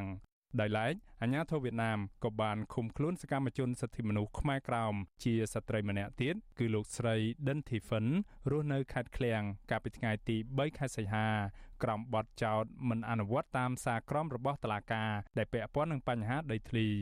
The embassy of Vietnamese to express our profound concerns and awareness ជុំវិញរឿងនេះសកម្មជនសិទ្ធិមនុស្សខ្មែរក្រោមរស់នៅខេត្តឃ្លៀងលោកយួនសេត លើកឡើងថាយុទ្ធនាការទាមទារសិទ្ធិសេរីភាពរបស់ពលរដ្ឋខ្មែរកម្ពុជាក្រោមនិងទាមទារឲ្យដោះលែងសកម្មជនជាប់ឃុំទាំងនេះកំពុងធ្វើឡើងជុំវិញពិភពលោកលោកថាពលរដ្ឋខ្មែរនៅកម្ពុជាក្រោមក៏ធ្វើការតស៊ូមតិនៅលើបណ្ដាញសង្គមប្រឆាំងទៅនឹងការរំលោភបំពានទៅលើពលរដ្ឋខ្មែរក្រោមពីសំណាក់រដ្ឋាភិបាលវៀតណាមផងដែរ លោកយួនសេតថាយុទ្ធនាការទាំងនេះនឹងមានអត្តពលទៅលើរដ្ឋាភិបាលនៃប្រទេសវៀតណាមដោយហេតុថាប្រទេសនេះពឹងផ្អែកទាំងស្រុងទៅលើការវិនិយោគនិងដាក់លក់ទំនិញនៅលើបណ្ដាប្រទេសលោកសេរី ដែលប្រកាន់យកលទ្ធិប្រជាធិបតេយ្យហើយលោករំពឹងថារដ្ឋាភិបាលនៃប្រទេសវៀតណាមនឹងដោះលែងសកម្មជនទាំង4នាក់នាពេលឆាប់ៗនេះនៅមានអត្តពលដាក់គំនាបនៅប្រទេសវៀតណាមមកពីបច្ចុប្បន្នហ្នឹងគឺប្រទេសវៀតណាមហ្នឹងទៅការការជំនួយខាងសេដ្ឋកិច្ចជំនួយការវិនិយោគអំពីសហរដ្ឋអាមេរិកព្រមទាំងសហគមន៍អឺរ៉ុបហើយបើសិនជាវៀតណាមមិនគោរពនៅសិទ្ធិសេរីភាពចំពោះផ្នែកក្រមទេនឹងទទួលនៅការដាក់គំនាបអំពីសហគមន៍អន្តរជាតិបាទដោយឡែកពលរដ្ឋខ្មែរក្រោមនៅសហរដ្ឋអាមេរិកនិងនៅកាណាដា បានធ្វើយុទ្ធនាការនៅខាងមុខស្ថានទូតវៀតណាមជាបន្តបន្ទាប់ដើម្បីទាមទារឲ្យរដ្ឋាភិបាលវៀតណាមដោះលែងសកម្មជនខ្មែរក្រោមនិងបើកទូលាយសិទ្ធិសេរីភាពដល់ខ្មែរកម្ពុជាក្រោមដែលជាជនជាតិដើមឡើងវិញខ្ញុំបាទមេរិត Visual Asia ស្រីពីរដ្ឋធានី Washington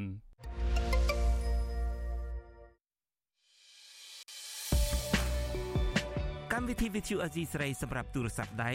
អាចឲ្យលោកអ្នកនាង អានអត្ថបទទស្សនាវីដេអូ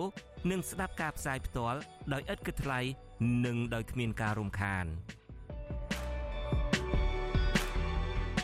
ដើម្បីអាននិងទស្សនាមេតិការថ្មីថ្មីពី Vithu Azisari លោកអ្នកនាងគ្រាន់តែចុចបាល់កម្មវិធីរបស់ Vithu Azisari ដែលបានដំឡើងរួចរាល់លើទូរស័ព្ទដៃរបស់លោកអ្នកនាង ប្រសិនបើលោកអ្នកនាងចង់ស្ដាប់ការផ្សាយផ្ទាល់ឬការផ្សាយចាស់ចាស់សូមចុចលើប៊ូតុងរូបវិទ្យុដែលស្ថិតនៅផ្នែកខាងក្រោមនៃកម្មវិធីជាការស្ដាយ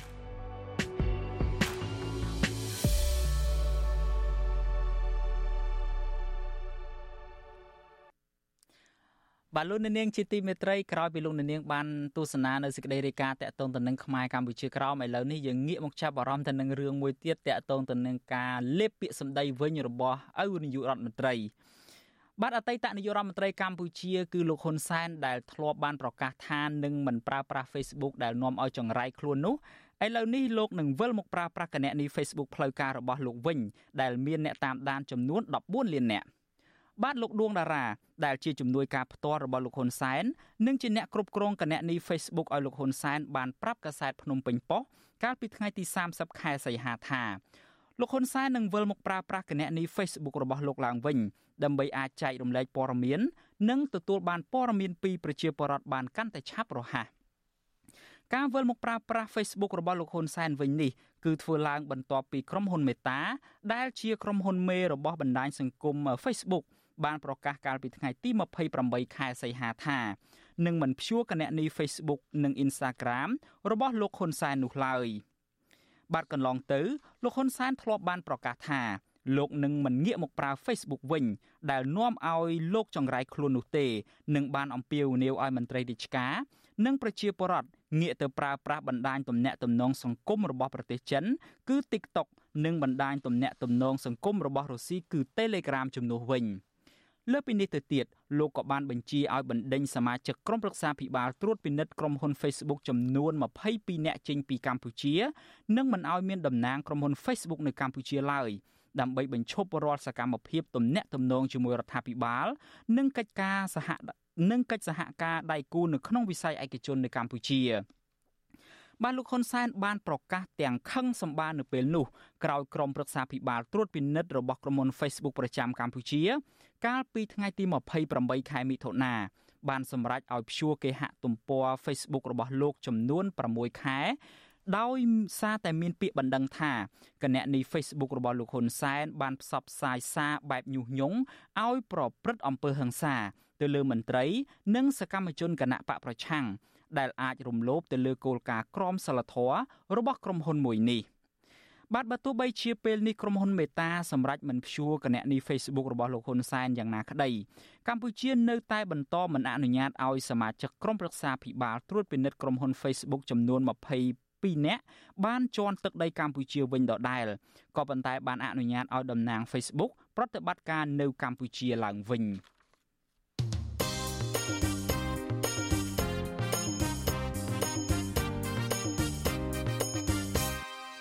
បាទលោកអ្នកនាងជាទីមេត្រីយើងងាកមកចាប់អារម្មណ៍ពាក់ព័ន្ធទៅនឹងកិច្ចសហប្រតិបត្តិការផ្នែកយោធាឯនេះវិញ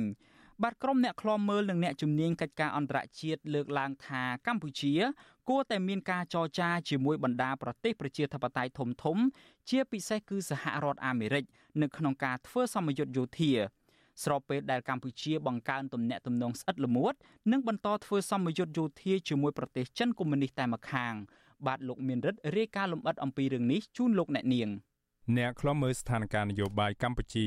លើកឡើងថារដ្ឋាភិបាលថ្មី ដែលដឹកនាំដោយលោកហ៊ុនម៉ាណែតនឹងនៅតែបន្តរងនឹងការរិះគន់ថា មានជំហរនយោបាយលំអៀងទៅរកប្រទេសចិនដោយសារតែកម្ពុជា បានបង្កើនភាពលោលឿនជាមួយប្រទេសនេះជាពិសេសនៅក្នុងក្របខ័ណ្ឌសម្ពយុទ្ធយោធាដោយផ្អាកការធ្វើសម្ពយុទ្ធយោធាជាមួយសហរដ្ឋអាមេរិកនិងបណ្ដាប្រទេសប្រជាធិបតេយ្យផ្សេងៗទៀត ពួកគេចង់ឃើញរដ្ឋាភិបាលលោកហ៊ុនម៉ាណែតចរចាដើម្បីឲ្យមានការចូលរួមធ្វើសម្ពយុទ្ធយោធាពីចម្រុះភាគី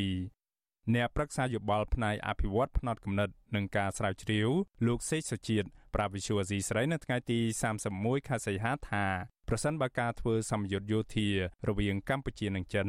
ដែលភាគីទាំងពីរផ្ដោតសំខាន់លើផ្នែកសុខាភិបាលនោះធ្វើឡើងនៅក្នុងក្របខ័ណ្ឌផ្លាស់ប្ដូរបទពិសោធន៍ដល់គ្នាទៅវិញទៅមកវាគឺជាសញ្ញាវិជ្ជមានមួយនៅក្នុងកិច្ចសហប្រតិបត្តិការនៃប្រទេសទាំងពីរដែលធ្វើឲ្យកងទ័ពនៃប្រទេសទាំងពីរ យល់ដឹងកាន់តែច្រើន អំពីការជួយសង្គ្រោះទោះជាយ៉ាងណាលោកសេកសុជាតិថាមូលហេតុដែលកម្ពុជាគ្មានការរៀបចំធ្វើសម្ពយុទ្ធយោធាជាមួយសហរដ្ឋអាមេរិកនិងប្រទេសប្រជាធិបតេយ្យផ្សេងទៀតគឺដោយសារតែកម្ពុជាស្ថិតក្នុងឥទ្ធិពលរបស់ចិនលោកបានថែមទៀតថាការដែលកម្ពុជាចាប់យកប្រទេសចិនតែម្ខាងនៅក្នុងការធ្វើសម្ពយុទ្ធយោធានោះកម្ពុជានឹងបន្តរងនឹងការរិះគន់ថាគ្មានអព្យាក្រឹតនិងផ្ទុយពីគោលការណ៍ប្រជាធិបតេយ្យ បញ្ហាហ្នឹងវាគឺជារឿងដែលកម្ពុជាគួរតែពិចារណានៅក្នុងការធ្វើកិច្ចសហប្រតិបត្តិការជាមួយនឹងប្រទេសដទៃជាពិសេសគឺប្រទេសដែលមានលទ្ធិជាតិធិបតេយ្យដើម្បីឲ្យវាស្របទៅនឹងរដ្ឋធម្មនុញ្ញនៃកម្ពុជាដែលចាត់ទុកកម្ពុជាជាប្រទេសមានលទ្ធិជាតិធិបតេយ្យស្របតាមកិច្ចព្រមព្រៀងសន្តិភាពទីក្រុងប៉ារីសបើសិនជាក្នុងករណីដែលមេដឹកនាំគាត់មានភាពលំអៀងហើយគាត់មិនអាចអនុវត្តចំណុចដែលមានចែងនៅក្នុងរដ្ឋធម្មនុញ្ញនេះជាពិសេសពង្រឹងនៃប្រព័ន្ធវិជាធិបតេយ្យការគោរពសិទ្ធិមនុស្សនិងសេរីភាពផ្សេងៗនៅក្នុងប្រទេសកម្ពុជាឬក៏កិច្ចសហប្រតិបត្តិការជាមួយនឹងប្រទេសដែលគូចំហបែបវិជាធិបតេយ្យសេរីដូចគ្នាការលើកឡើងរបស់អ្នកខ្លំមើលបែបនេះធ្វើឡើងបន្ទាប់ពីកងទ័ពកម្ពុជានិងចិនគ្រោងនឹងធ្វើសម្ពយុទ្ធផ្នែកសុខាភិបាលយោធារួមគ្នានៅក្នុងឆ្នាំ2023នេះ អគ្គមេបញ្ជាការរងនិងជានាយសេនាធិការចម្រុះនៃកងយោធពលខេមរៈភូមិន្ទលោកអ៊ិតសារ៉ាត់កាលពីថ្ងៃទី30ខែសីហា បានដឹកនាំកិច្ចប្រជុំផ្សព្វផ្សាយផែនការសម្ពយុទ្ធសុខាភិបាលយោធារួមគ្នា ដែលភាគីកម្ពុជាដាក់ឈ្មោះថាទេវតាសន្តិភាពឆ្នាំ2023នៅទីស្តីការក្រសួងការពារជាតិ ទោះជាយ៉ាងណាលោកមិនបានបង្ហាញអំពីផែនការសំខាន់សំខាន់ការកំណត់ពេលវេលាជាក់លាក់និងទីតាំងធ្វើសម្ពយុទ្ធសុខាភិបាលយោធារួមគ្នាជាមួយកងទ័ពចិននេះនៅឡើយទេវិសុវអាស៊ីស្រីមិនអាចតាក់ទងរដ្ឋមន្ត្រីក្រសួងការពារជាតិលោកទាសីហាដើម្បីសាកសួរជុំវិញរឿងនេះបាននៅឡើយទេនៅថ្ងៃទី31ខែសីហា កាលពីខែមីនាកម្ពុជានិងចិនបានបន្តធ្វើសម្ពយុទ្ធយោធានាមាតាក់ទងនឹងប្រធានបទបោសម្អាតក្របមីនប្រយុទ្ធប្រឆាំងនឹងជំងឺ Covid-19 ការរក្សាសន្តិសុខនិងក្បួនធំធំ និងរបៀបសង្គ្រោះជនរងគ្រោះដែលជួបឧបទ្ទវហេតុដោយសារគ្រោះធម្មជាតិ កម្ពុជាបានរៀបចំធ្វើសម្ពយុទ្ធយោធាជាមួយកងទ័ពចិនចំនួន5លើករួចមកហើយចាប់តាំងពីឆ្នាំ2016ក៏ប៉ុន្តែរដ្ឋាភិបាលកម្ពុជាដែលដឹកនាំដោយលោកហ៊ុនសែនកាលពីពេលកន្លងទៅ បានសម្រេចលុបចោលការធ្វើសម្ពយុទ្ធយោធារួមគ្នាឈ្មោះឆ្មាំអង្គរជាមួយសហរដ្ឋអាមេរិកនិងដនកូព្រៃជាមួយប្រទេសអូស្ត្រាលីកាលពីឆ្នាំ2017 ជុំវិញរឿងនេះអ្នកជំនាញផ្នែកវិជាសាស្ត្រនយោបាយនិងកិច្ចការអន្តរជាតិលោកអែមសវណ្ណារា មានប្រសាសន៍ថាអ្វីត្បិតតែសម្ពយុទ្ធយោធា រវាងកម្ពុជានិងចិនផ្ដល់នូវកិច្ចសហប្រតិបត្តិការល្អដល់គ្នាទៅវិញទៅមកក៏ដោយក៏លោកជំរុញឲ្យរដ្ឋាភិបាលកម្ពុជា គួរតែមានការចរចាឡើងវិញជាមួយសហរដ្ឋអាមេរិកនិងបណ្ដាប្រទេសប្រជាធិបតេយ្យនៅក្នុងការរៀបចំធ្វើសម្ពយុទ្ធយោធាជាមួយគ្នា នេះជាកិច្ចការមួយទាមទារឲ្យកម្ពុជាជំរុញឬក៏ពង្រីកសម្ពយុទ្ធយោធាជាមួយលោកខាងលិចផងដើម្បីឲ្យមើលឃើញអេរិយាប័ត្រឬក៏ជំហររបស់កម្ពុជានឹងមកនៅកណ្ដាលធម្មតាសម្ពយុទ្ធយោធានឹងយើងចំណេញទៅដល់ភាគីកម្ពុជាទេពាក់ព័ន្ធទៅនឹងការពង្រឹងសមត្ថភាពកងទ័ពការពង្រីកឬក៏អភិវឌ្ឍបច្ចេកវិទ្យាខ្ញុំគិតថាកិច្ចការនេះល្អទេគ្រាន់តែទាមទារយើងធ្វើកិច្ចការសម្ពយុទ្ធយោធាជាមួយលោកខាងលិចឡើងវិញឲ្យបានច្រើនទៅវាអាចជួយកាត់បន្ថយកម្មភាពដែលអាចមើលឃើញថាយើងងាកទៅចិនច្រើន អ្នកខ្លំមើលមួយចំនួនលើកឡើងថាប្រទេសចិនកុម្មុយនីសកំពុងព្យាយាមពង្រីកអធិបតេយ្យយោធារបស់ខ្លួននៅលើទឹកដីកម្ពុជា តាមរយៈការផ្តល់ជំនួយផ្នែកយោធាដល់កម្ពុជា និងស្ថិតក្រោមរូបភាពនៃការធ្វើសម្ពយុទ្ធយោធា ដើម្បីជាថ្នូរអាចសម្រេចមហិច្ឆតាសាងសង់មូលដ្ឋានទ័ពនៅកំពង់ផែសមុទ្ររៀមខ្ញុំបាទមេរិត Visual Asia ស្រី ពីរដ្ឋធានី Washington បាទលោកនាងជាទីមេត្រីយើងងាកមកចាប់អារម្មណ៍ពាក់ព័ន្ធទៅនឹងរឿងសុកទុករបស់កម្មករឯនេះវិញបាទកម្មករកាត់ដេរមួយចំនួននៅរាជធានីភ្នំពេញចង់ឲ្យរដ្ឋាភិបាលថ្មីដំឡើងប្រាក់ខែឲ្យពួកគាត់ឲ្យបានច្រើនខណៈពួកគាត់កំពុងប្រឈមបញ្ហាទំនិញឡើងថ្លៃនិងជំពាក់បំណុលធនាគារពុំមានលទ្ធភាពសងបាទពួកគាត់លើកឡើងថានៅក្នុងរយៈពេល3ខែចុងក្រោយនេះស្ទើរតែគ្រប់រោងចក្រពុំសូវមានកម្មករឲ្យការ បាទសំទោសគឺពុំសូវមានការងារឲ្យកម្មករបានធ្វើទៀងទាត់នោះទេ ដែលធ្វើឲ្យពួកគាត់មានជីវភាពកាន់តែលំបាកបាទអ្នកស្រីស្ងួនអមរារាយការណ៍ពិស្ដារអំពីរឿងនេះជូនលោកអ្នកនាងដូចតទៅក្នុងពេលទំនិញនៅលើទីផ្សារកំពុងឡើងថ្លៃសពសារពើ ការចំណាយក៏កាន់តែច្រើនជាងមុននិងមានបន្ទុកត្រូវបង់សងបំណុលធនាគារប្រចាំខែស្របពេលការងារនៅតាមរោងចក្រមិនសូវសម្បូរទៀតនោះ កំពុងធ្វើឲ្យកម្មករក្នុងវិស័យកាត់ដេរប្រឈមនឹងបញ្ហាជីវភាពធ្ងន់ធ្ងរកំពុងឈរចាំទិញគុយទាវនៅក្បែររោងចក្រក្នុងពេលសម្រាកអាហារថ្ងៃត្រង់នៅក្នុងសង្កាត់ស្ទឹងមានជ័យខណ្ឌមានជ័យរាជធានីភ្នំពេញកម្មការិនីម្នាក់ធ្វើការផ្នែកកាត់ដេរលោកស្រីម៉ែនទុំប្រាប់វិទ្យុអាស៊ីសេរីនៅថ្ងៃទី28ខែសីហាថាលោកស្រីពុំសូវមានការងារធ្វើទៀងទាត់នោះទេអស់រយៈពេល3ខែមកនេះ ដោយសារតែអីវ៉ាន់ពុំមានការបញ្ជាទិញច្រើនដូចមុន ហើយថៅកែត្រូវកាត់បន្ថយបុគ្គលិកជាបន្តបន្ទាប់លោកស្រីម៉ែនទុំធ្វើការងាររោងចក្រអស់រយៈពេលជាង8ឆ្នាំមកហើយប៉ុន្តែលោកស្រីថាជីវភាពកាន់តែដុនដាបព្រោះចំណូលដែលរកបានពុំអាចផ្គត់ផ្គង់ជីវភាពគ្រប់គ្រាន់លោកស្រីត្រូវបង់ធនាគារក្នុងមួយខែជាង100ដុល្លារនិងថ្លៃផ្ទះជួលប្រចាំខែជាង60ដុល្លារដូច្នេះ ប្រាក់ខែគោលដែលលោកស្រីទទួលបាន200ដុល្លារក្នុងមួយខែពុំអាចចាយវាយគ្រប់នោះឡើយខណៈដែលទំនិញក៏ឡើងថ្លៃលោកស្រីចង់ឃើញរដ្ឋាភិបាលអាណត្តិថ្មី ជួយដំឡើងប្រាក់ឈ្នួលគោលដល់កម្មករឲ្យបាន250ដុល្លារក្នុងមួយខែទើបអាចទប់ទល់នឹងការចំណាយប្រចាំថ្ងៃលោកស្រីអះអាងថាសប្តាហ៍ថ្ងៃកម្មករភៀកច្រើនស្ទើរតែដាច់ស្បៀងម្ដងម្ដង ហើយពួកគេត្រូវចាយវាយដោយត្បិតត្បៀតបំផុតតម្រាំដល់ពេលបើកប្រាក់ខែម្ដងម្ដង។ហើយហូបចុកពេលខ្លះរិះខំខ្លាំង អត់ហ៊ានថាចាយប្រទេសផ្ដាស់ទេទិញតែចំណីអីយូរយូរលេងលេងដឹងថាគេលក់អីដឹងអីដឹងតែបាយមហូបធ្វើរហូតហើយក៏ចង់ឲ្យរាជរដ្ឋាភិបាលនឹងឡើងប្រាក់ខែឲ្យដល់ដល់250បើសិនជាអាចតែនៅលើអាហ្នឹងជាការสนុំពោ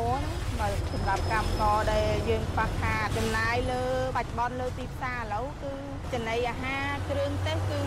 ទិញអីក៏ឡើងថ្លៃដែរកំពុងឈោគិតលុយថ្លៃម្ហូបដែលខ្លួនទិញពីអាជីវករ កម្មការនីម្នាក់ទៀតលោកស្រីភួងភៀបលើកឡើងថា បច្ចុប្បន្នលោកស្រីនិងកម្មករផ្សេងទៀតកំពុងបារម្ភពីការអត់ការងារធ្វើ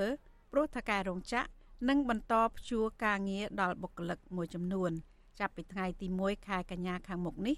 ដោយសារតែអស់ការងារធ្វើ លោកស្រីបន្តថារៀងរាល់ដើមខែឬចុងខែ លោកស្រីតែងតែខ្ចីលុយអ្នកចិត្តខាងទិញបាយហូប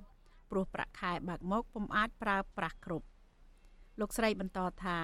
គ្រួសារលោកស្រីត្រូវចំណាយច្រើន ដូចជាថ្លៃជួលផ្ទះថ្លៃសិក្សារបស់កូន និងថ្លៃទឹកភ្លើងជាដើម គឺមិនក្រោម300ដុល្លារនោះទេ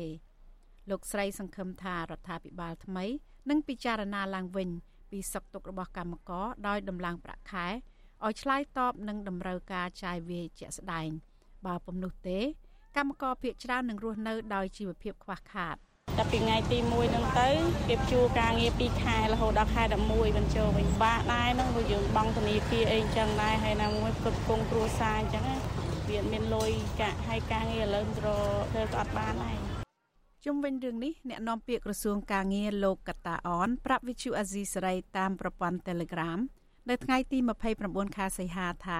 ករណីដំឡើងប្រាក់ឈ្នួលជូនកម្មករនេះគឺជាកិច្ចការមួយដែលក្រសួងការងារ និងភាគីពាក់ព័ន្ធកំពុងតែរកដំណោះស្រាយតែយ៉ាងណា លោកពុំតាន់អាចបញ្ជាក់បានទេថាតើនឹងដំឡើងប្រាក់ឈ្នួលអបបរមា បានប៉ុន្មាននោះទេ លោកសរសេរថាក្រសួងការងារបន្តប្រឹងប្រែងចរចាជាមួយភាគីនយោជកនិងសហជីពដើម្បីដំឡើងប្រាក់ឈ្នួលអបបរមា ដល់បងប្អូនកម្មករនយោជិតឲ្យបានមុនភ្ជុំបិណ្ឌខាងមុខនេះ ទោះដំឡើងបានកម្រិតណាក៏ដោយឲ្យសមស្របសម្រាប់ជាប្រយោជន៍ដល់កម្មករនយោជិត ហើយមានការព្រមព្រៀងគ្នាពីភាគីពាក់ព័ន្ធត្បិតថាកម្មករភៀកច្រើនជួបការលំបាកជីវភាព និងប្រឈមបាត់បង់ការងារជាបន្តបន្ទាប់ក្តីលោកនាយករដ្ឋមន្ត្រីហ៊ុនម៉ាណែតបានថ្លែងក្នុងវេទិកាចោះជួបកម្មករជាលើកដំបូងនៅថ្ងៃទី29ខែសីហា ដោយសន្យាថា និងដំឡើងប្រាក់ឈ្នួលគោលកម្មករឲ្យលើសចំនួន200ដុល្លារក្នុងពេលបច្ចុប្បន្នប៉ុន្តែលោកមិនទាន់អាចបញ្ជាក់ថាអាចដំឡើងចំនួនប៉ុន្មាននោះទេ កាលពីថ្មីថ្មីនេះមេដឹកនាំសហជីពឯករាជ្យមួយចំនួន បានកំណត់យកតួលេខ220ដុល្លារដើម្បីត្រៀមយកទៅចរចាប្រាក់ឈ្នួលគោលក្នុងវិស័យវេយនភ័ណ្ឌកាត់ដេរផលិតស្បែកជើង និងផលិតផលធ្វើដំណើរសម្រាប់ឆ្នាំ2024 ក្នុងកិច្ចប្រជុំក្រុមប្រឹក្សាជាតិប្រាក់ឈ្នួលអបបរមាត្រីភាគី គឺភាគីរដ្ឋាភិបាលនយោជកនិងភាគីសហជីពតំណាងកម្មករនៅពេលខាងមុខនេះនាងខ្ញុំសួនអមរា Vichu Azisari ពីរដ្ឋធានី Washington បាទលោកនាងជាទីមេត្រីព័ត៌មានថ្មីមួយដែលវិទ្យុអាស៊ីសេរីទើបទទួលបានគឺតាក់ទងទៅនឹងថាអង្គការសហប្រជាជាតិទទួលបន្ទុកផ្នែកសិទ្ធិមនុស្សបានរកឃើញថាមានមនុស្សរាប់សែននាក់ត្រូវបានក្រុមអ ுக ្រិតជន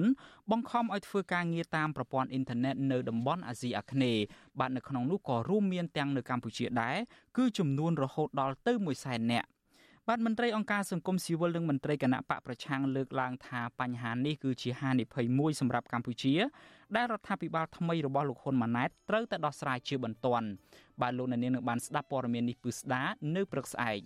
បានមកដល់ត្រឹមនេះការផ្សាយរបស់វិទ្យុអាស៊ីសេរីបានឈានចូលមកដល់ទីបញ្ចប់ហើយដែរហើយនៅថ្ងៃស្អែកនេះយើងនឹងមានវេទិកាអ្នកស្ដាប់មួយជជែកអំពីបញ្ហាបំណុលវ័នក ពាន់ពាន់ករបស់ប្រជាពលរដ្ឋបាននៅពេលនេះខ្ញុំបាទយ៉ងច័ន្ទដារាព្រមទាំងក្រុមការងារទាំងអស់នៃវិទ្យុអាស៊ីសេរីសូមអរគុណនិងសូមជម្រាបលា បាទត្រីសួស្តី